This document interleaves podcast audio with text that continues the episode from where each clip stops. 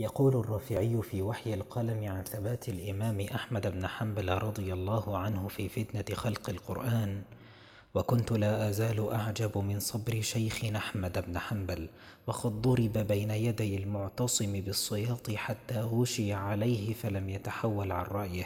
فعلمت الآن أنه لم يجعل من نفسه للضرب معنى الضرب ولا عرف للصبر معنى الصبر الآدمي ولو هو صبر على هذا صبر الإنسان لجزع وتحول ولو ضرب ضرب الإنسان لتألم وتغير ولكنه وضع في نفسه معنى ثبات السنة وبقاء الدين وأنه هو الأمة كلها لا أحمد بن حنبل. فلو تحول لتحول الناس ولو ابتدع لابتدعوا فكان صبره صبر أمة كاملة لا صبر رجل فرد